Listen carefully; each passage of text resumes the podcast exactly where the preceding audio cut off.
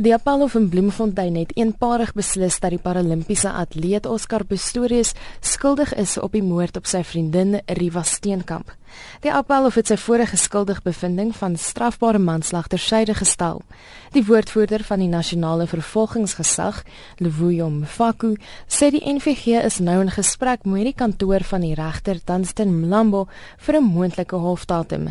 The conviction of culpable homicide has been substituted with that of murder. Murder carries a minimum sentence of 15 years. The onus now would be on the defense to convince the court that uh, there are substantial and compelling circumstances to deviate from the prescribed minimum sentence. The legislation uh, prescribed a minimum sentence. As a state, we've got a responsibility to ensure that uh, we apply the law. We will argue for the imposition of the minimum sentence.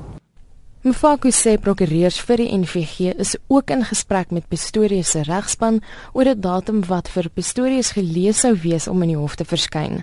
Mfaku het ook ontken dat die NVG 'n lasbrief vir die inhegtenisneming van Pistorius uitgereik het.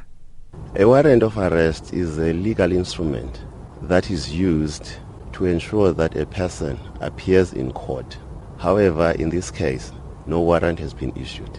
As an NPA we are facilitating a process where Mr. Pistorius appears in court as soon as possible so that the matter can be formally postponed for sentencing uh, procedures to a date suitable to both the state defense as well as the presiding officer.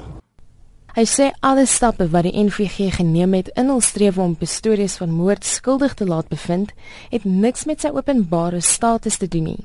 We took the matter to the Supreme Court of Appeal on the basis that uh, it is in the interest of justice to do so. It was never a personal matter. It has everything to do with the rule of law as well as the interest of justice. You must recall that uh, high court decisions are binding on the lower courts. So we've always contended that uh, the trial court judge erred in her interpretation and application of the law. And therefore, it is victory for justice. Die Pistorius saak prikkel weer eens plaaslike en internasionale mediahuise as ook regstudente se belangstelling.